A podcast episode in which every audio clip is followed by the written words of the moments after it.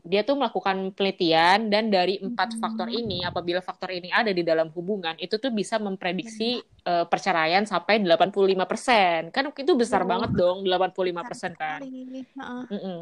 Dan jadi tuh dia ada empat faktor. Yang pertama itu adalah kritik kritik itu tuh hmm. adalah jadi misalkan uh, pacar kamu atau hubung atau pasangan kamu tuh dia uh, ngelakuin suatu hal atau perilaku yang bikin kamu nggak nyaman. Misalkan let's say uh, dia tuh taruh barang di kosannya berantakan. Terus habis itu kalau hmm. misalkan kritik itu kamu tuh cenderung apa ya menyerang orangnya, tapi itu tuh iya menyerang orangnya atau pribadi orang tersebut. Dan kamu tuh harus bisa ngebedain antara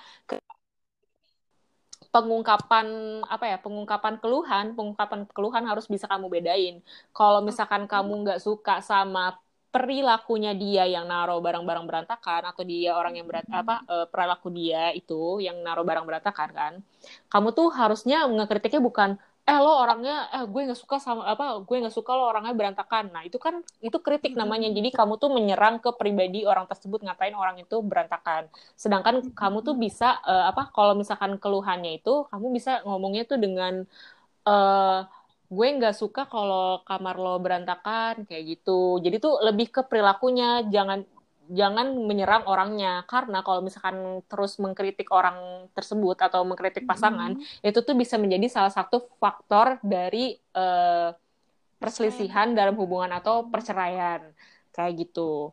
Yang kedua itu adalah sikap defensif. Sikap def- sikap defensif itu adalah kayak ya nggak mau ngalah gitu loh. Misalkan dalam suatu hmm. argumen, misalkan let's say uh, lo yang kalah, misalnya kalau yang salah dalam hubungan itu, terus habis itu bukannya bukannya malah mengakui kesalahan, terus malah kayak e, gue kan kayak gini karena lo kayak gini atau gue kan kayak gini bla bla bla bla jadi itu membela diri sendiri untuk merasa benar. Nah, itu tuh yeah. juga merupakan salah satu faktor dari perceraian menurut uh, John Gottman kayak gitu. Jadi tuh untuk uh, menyelesaikan ini seharusnya dari kedua belah pihak itu ada salah satu pihak yang ya kayak lebih dewasa atau bisa lebih meredam biar hubungannya itu ya nggak nggak ya udah nggak kayak gitu. Nah, Terus habis itu yang ketiga itu ada penghinaan. Nah, bisa dibilang tuh ini tuh yang paling berbahaya sih dari uh, atau ini tuh adalah faktor yang paling mempengaruhi dari perceraian menurut John Gottman. Penghinaan itu ya bisa menghina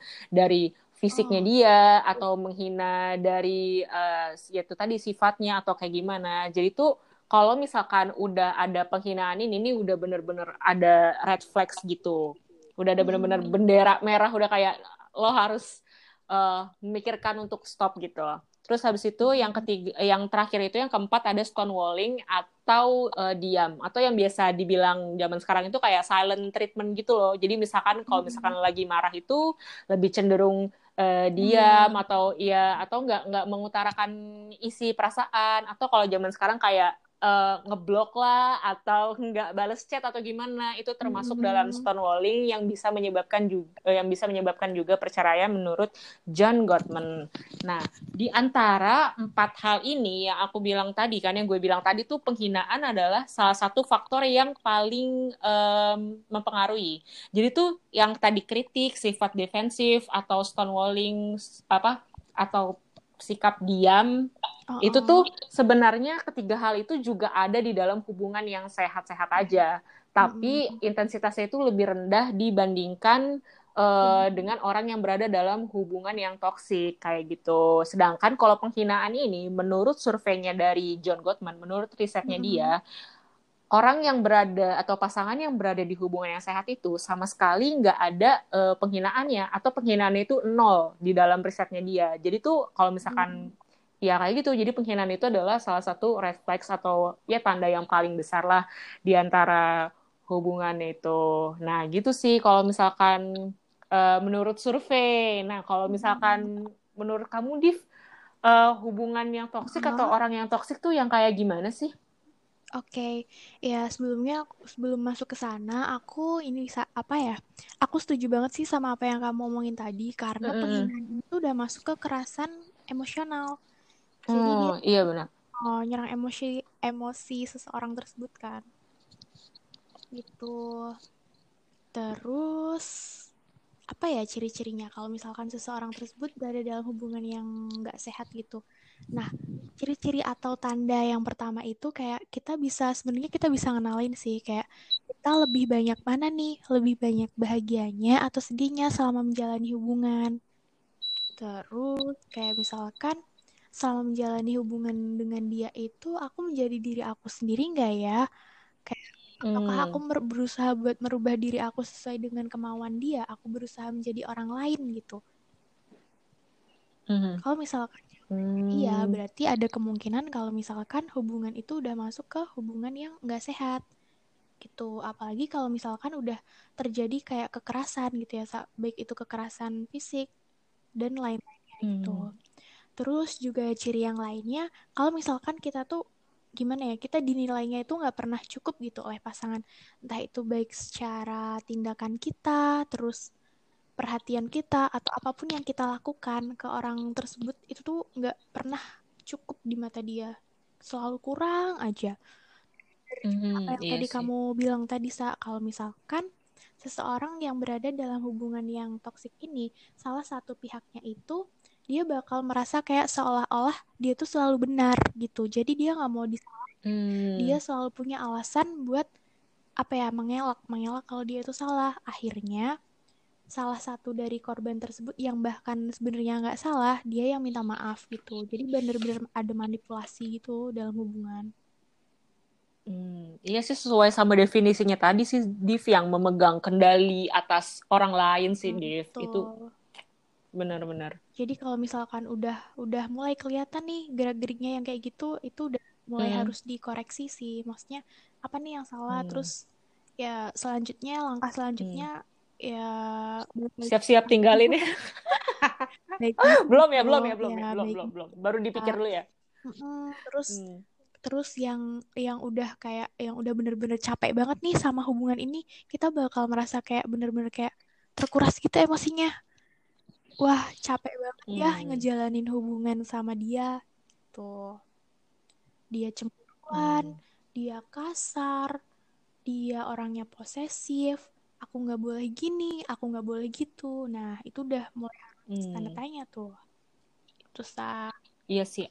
Emang sih Div kalau kekerasan itu emang jadi hal yang jadi red flags banget sih. Itu udah kayak ya udahlah kalau udah ngelakuin kekerasan kayaknya emang buat apa sih bertahan dalam hubungan tersebut? Ya nggak sih ya, kalau menurut kamu banget. Nggak ada yang nggak ada sesuatu hal yang bisa kita investasikan dalam hubungan tersebut gitu sa. Mm. terus ngomong-ngomong soal kekerasan ini tuh kekerasan sebenarnya mm. tuh nggak cuma fisik doang kan biasanya kan kalau kekerasan kan dikenalnya ya iya. kekerasan yeah. fisik emosi seksual gitu padahal ada dua kekerasan lainnya kekerasan fisik itu kan misalnya kayak menampar gitu-gitu ya kayak hmm, ya, ya, ya, gitu. Paham. Sedangkan kalau kekerasan emosional ini salah satunya udah kamu sebutin tadi di awal yaitu penghinaan. Nah, itulah oh. penghinaan itu menjadi salah satu apa ya bendera merah dalam sebuah hubungan di mana dikatakan kalau misalkan kalau udah ada penghinaan itu udah yang membedakan antara hubungan sehat sama hubungan gak sehat gitu apalagi penghinaan yang dilakukan secara terus menerus itu akan menyerang emosi hmm. orang tersebut gitu kemudian untuk kekerasan seksual ini misalkan gini sa misalkan uh, tiba-tiba kamu nyium aku tanpa tanpa aku nih nggak mau loh. kok aku sih? Ya siapa dong? Ya udah ya udah. Misal nih aku punya pacar. Si X gitu si Z atau gimana? Jangan aku dong. Ya udah ya udah. Oke oke oke. Ya udah misal yeah, aku yeah, punya yeah. pacar nih terus tiba-tiba dia dia nyium aku tanpa tanpa aku tuh nggak mau gitu. Aku udah bilang aku gak mau tanpa ya. konsen kamu ya, ya tanpa betul. tanpa kemauan Intinya kamu tanpa konsen. hmm, dalam hal apa mm. adalah konsen nah aku udah bilang aku nggak mau kalau kamu cium aku eh tiba-tiba dia masih aja cium nah itu udah masuk kekerasan seksual sih sebenarnya mm.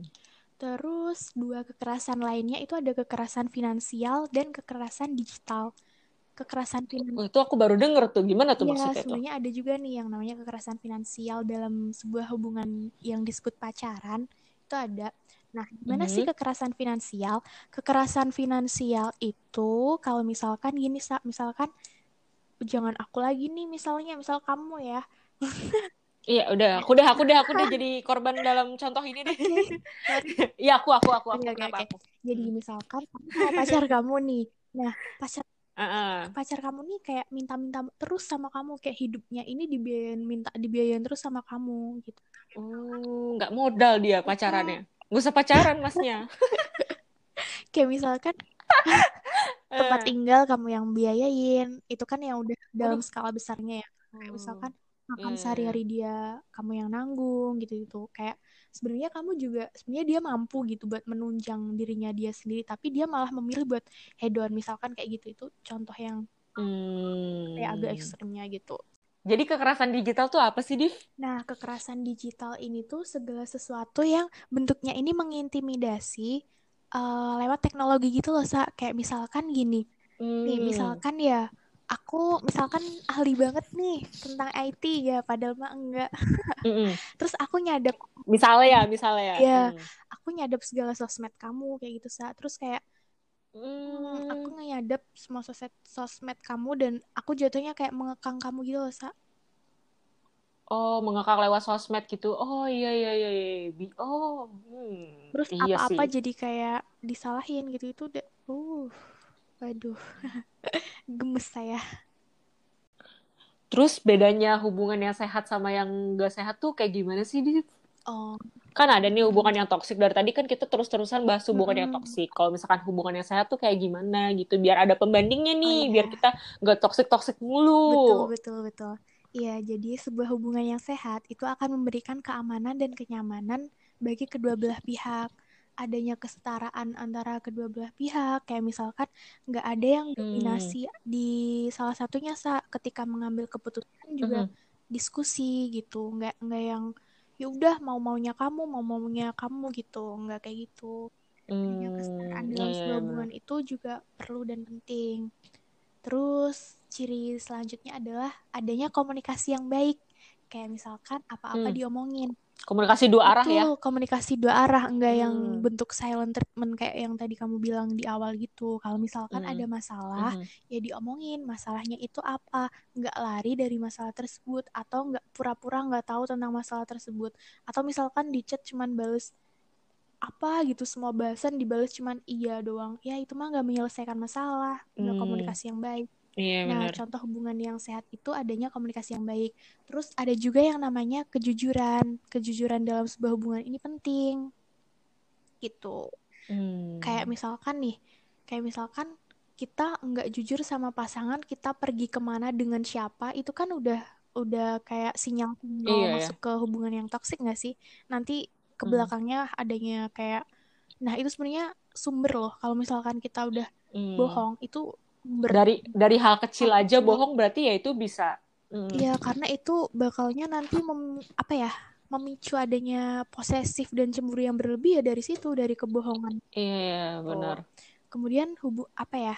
Hmm, ciri selanjutnya dari hubungan yang sehat itu nyaman, adanya rasa nyaman yang tadi diomongin di awal. Dan hubungan tersebut tuh mandiri dalam artian mandiri di sini itu nggak nggak bergantung secara emosi gitu lah, Sa. Hmm. nggak yang terlalu bergantung gitu kayak ya udah aku bahagia kok sama kamu terus misalkan kamu lagi sibuk atau apa ya udah aku bisa kok bahagia juga padahal kamu jadi Hmm. maksud aku di sini tuh Tidak tidak ber tidak ketergantungan ya. betul Heeh, Hmm. jadi maksud aku di sini itu eh, misalkan pasangan kita lagi sibuk ngapain ngapain ngapain ya udah kita memberikan ruang untuk dia dan ruang untuk diri sendiri Hmm. gitu dan kita nggak nggak ngerasa kalau misalkan dianya sibuk dikit ntar gimana Hmm. gimana mikirnya udah ke mana-mana gitu Iya, iya, iya, iya, iya. Terus dalam benar, benar. sehat itu kita bisa menjadi diri sendiri, kayak pasangan kita juga bisa mengerti value kita, kita bisa mengerti value pasangan. Oke. Hmm. Terus di samping itu juga adanya diskusi yang sehat, kayak ngobrol-ngobrol yang ya sharing tentang kehidupan apa pun itu. Karena kan kalau misalkan Hmm. kita hidup nanti hidup berdua sama pasangan sampai nanti tua kan apa sih yang dilakuin? Ngobrol nggak sih, Sa? Iya, ada bener di ngobrol setiap hari ya ngobrol doang ya yang dilakuin. kalau nggak ada komunikasi yang Makanya baik, nggak ada kejujuran, nggak ada rasa nyaman, nggak ada diskusi yang sehat, nggak ada rasa saling percaya, ya mau apa gitu dalam sebuah hubungan? Hmm, benar, benar, benar, Oh, benar. satu lagi sa nih adanya saling kat, Apa lagi nih? saling mendukung, saling menghargai itu Hmm. dalam kat kata saling gitu hubungan yang sehat kan kuncinya salah satunya kan saling juga kan mm-hmm. gitu nah kalau hubungan yang gak sehat kan tadi udah udah dijelasin nah singkatnya adalah dalam hubungan yang gak sehat ini gak adanya kejujuran terus manipulatif adanya kontrol yang mm. terus adanya intimidasi kayak tadi kalau dari intimidasi ini mm-hmm. bisa apa ya intimidasi ini kan kunci dari adanya kekerasan-kekerasan yang tadi kan entah itu kekerasan mm -hmm. fisik, seksual, emosional, finansial, bahkan kekerasan digital. Mm. Oh ya sa, nih misalkan aku udah tahu mm. nih sa, kalau aku tuh ternyata ya ampun ternyata hubunganku selama ini tuh toksik ya. Tapi kenapa sih aku tuh masih pengen berada dalam hubungan ini? Aku tuh nggak mau putus sama dia. Kenapa coba sa? Kenapa tuh?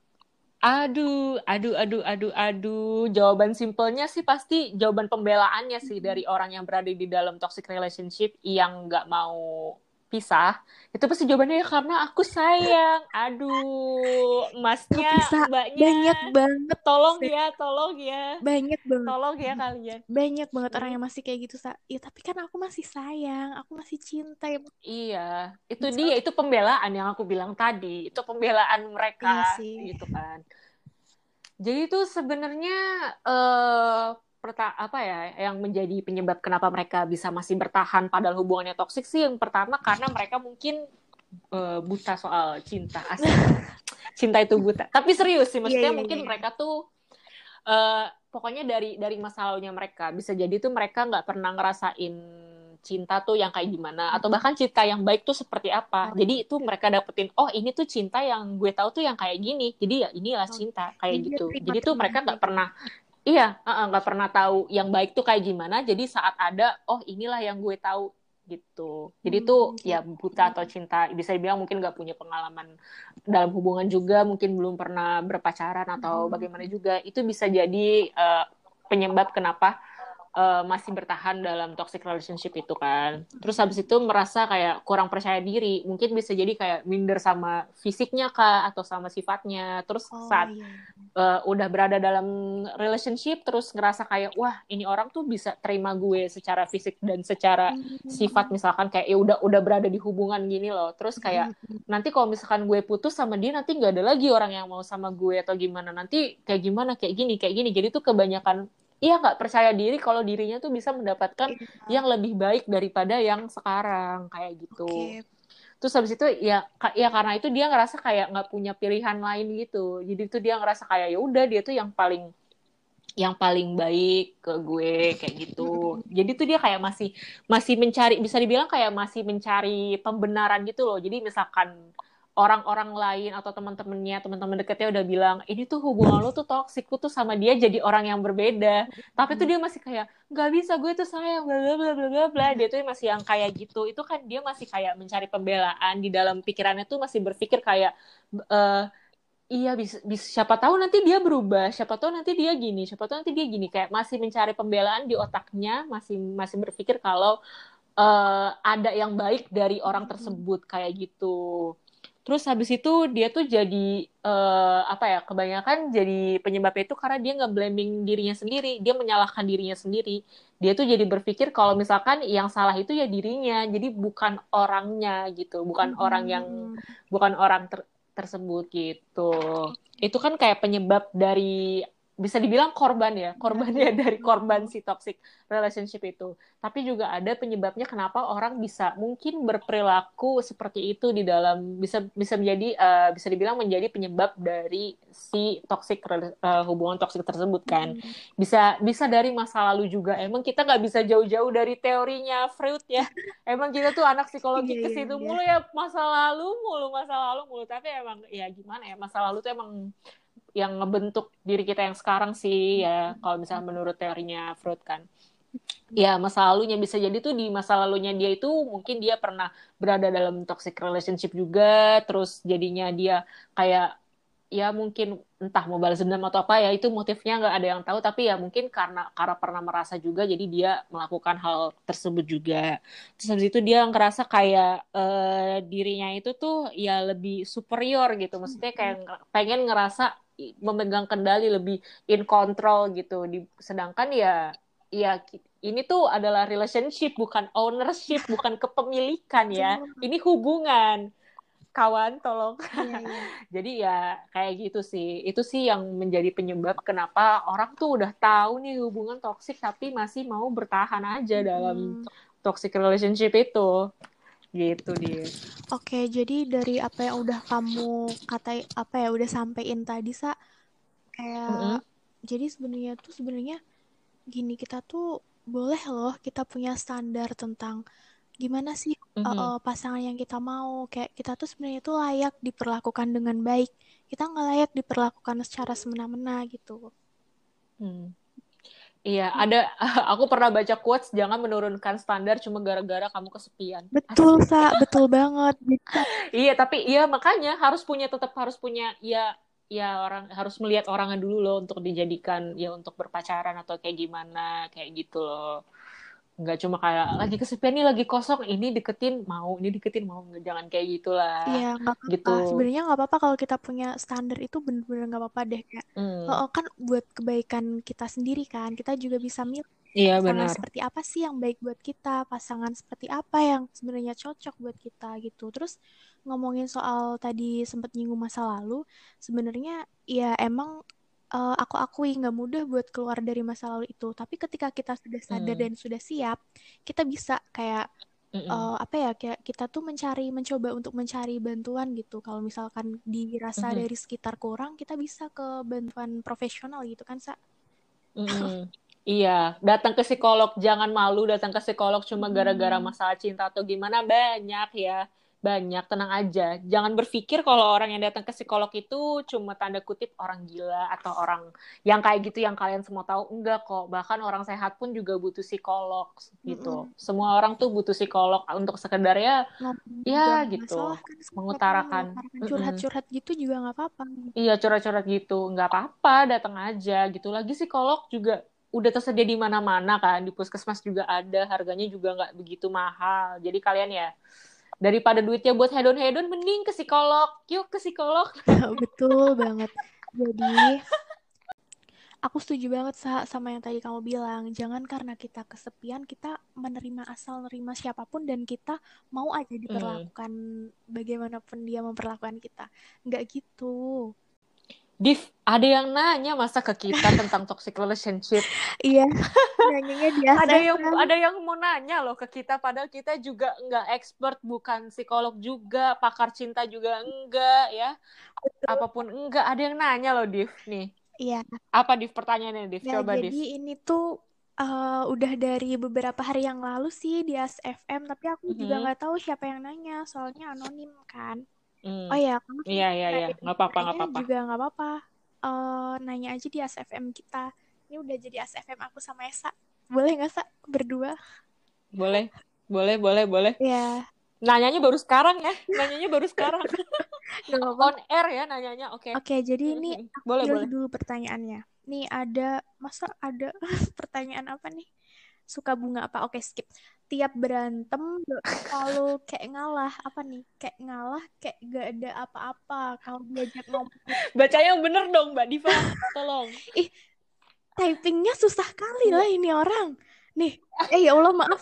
Maaf ya kak. Maaf. Nggak nggak maksud nggak maksud. Gimana? Tapi beneran ya gimana? Gimana gimana? Pertanyaannya pertanyaannya. tiap berantem doi selalu kayak ngalah kayak gak ada apa-apa. Kalau diajak ngomongin masalah dia kayak ngelak. Kadang malah diem. Gitu sa. Itu toksik bukan kak? Itu toksik kalau yang itu toksik mm. nggak sebenarnya gini. Itu tergantung intensitasnya sering banget maksudnya kayak udah sering banget kayak setiap ada masalah gitu terus atau gimana ya kalau misalkan kayak sekali-sekali ya hubungan sehat yang udah aku bilang tadi kalau hubungan sehat pun juga ada diem atau kayak gimana tuh tetap ada tapi ya intensitas si intensitasnya itu. Kalau berkali-kali ya itu bisa udah dibilang toxic sih. Yang tadi itu kan udah termasuk dalam uh, risetnya John Gottman kan dia bilang ya silent treatment atau ya didiemin kayak gitu ya itu udah termasuk salah satu faktor yang bisa menyebabkan perceraian loh. Itu kan faktor yang menyebabkan perceraian ya. Apalagi hubungan pacaran gitu loh maksudnya. Perceraian aja itu salah satu faktor penyebabnya. Jadi ya itu salah satu bisa dikatakan toksik apabila intensitasnya ya udah melebihi batas kayak itu. Mm-hmm. Gitu. Ada lagi nggak pertanyaan Kak Diva? Kak Diva dong. Ada nih. Tiap ribut pasti doi ngediemin. Wajar kagak sih? Kagak pakai X. maaf maaf ya Allah maaf. Sorry ya. tiap ribut doi ngediemin wajar gak sih? Uh, tiap ribut ya itu juga termasuk itu sama aja sih kayak yang tadi maksudnya oh, silent ya. treatment juga kan. Iya iya. Iya iya ngediemin kayak gitu ya. Itu ya aku bilang tadi tergantung intensitasnya sih sebenarnya. Gitu. Mm. Terus aku juga ada nih Div pertanyaan buat kamu nih.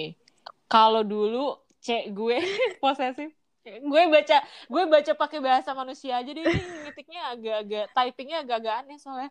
Kalau dulu cewek gue posesif sekarang gue yang posesif. Apa hubungan gue toksik? Iya. Tuh Div coba Div jawab. Iya. Jadi gini kalau misalkan dalam sebuah hubungan itu udah ada posesif posesifan itu udah pasti itu hubungan yang toksik.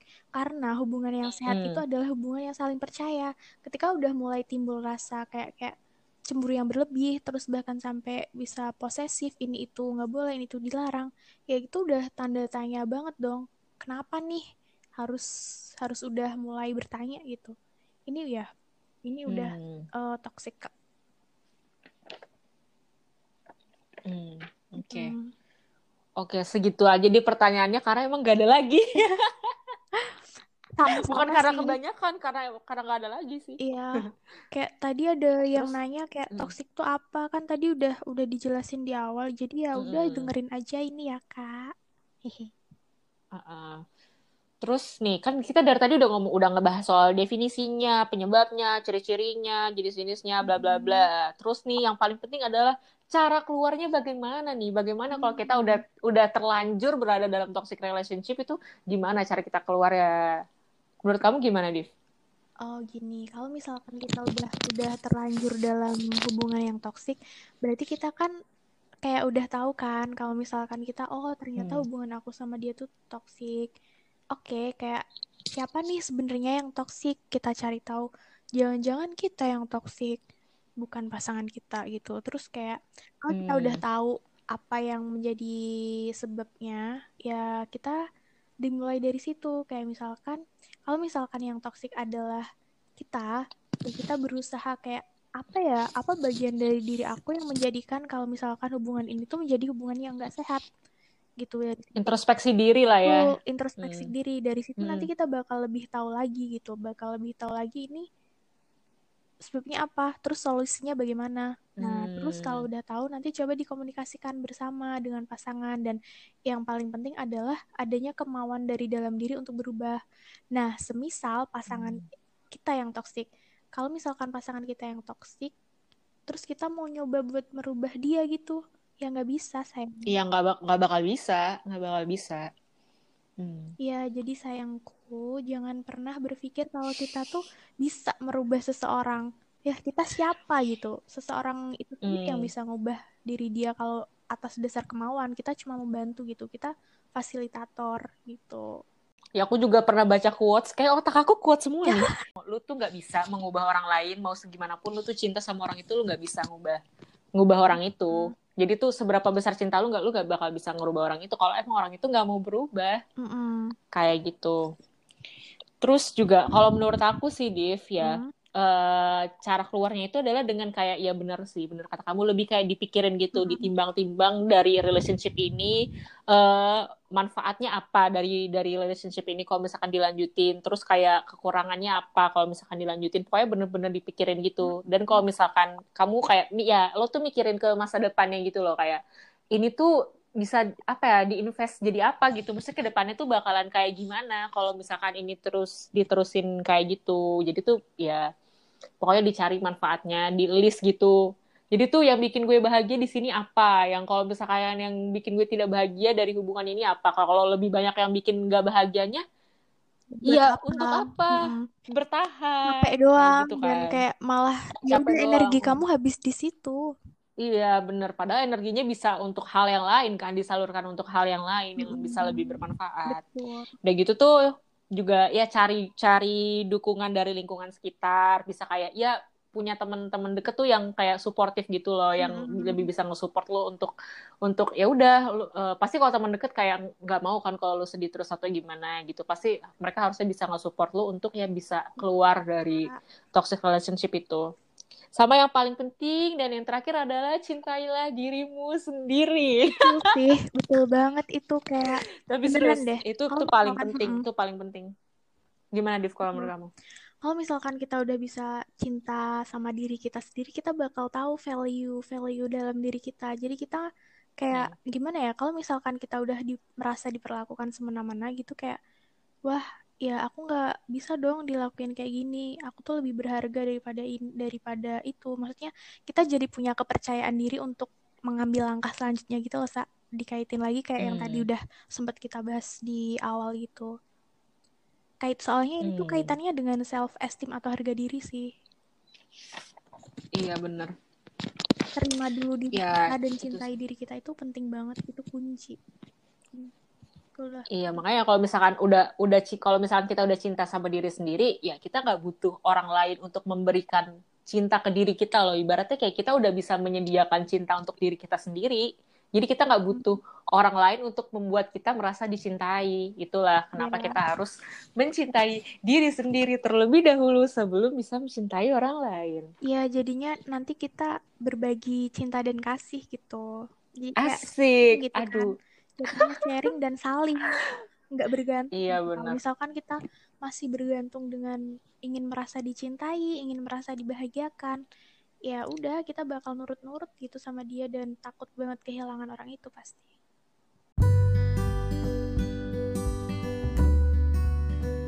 Oke, ini kayaknya udah kelamaan juga sih podcastnya. Sekarang kesimpulannya aja deh dari yang kita omongin tadi itu apa, di menurut kamu?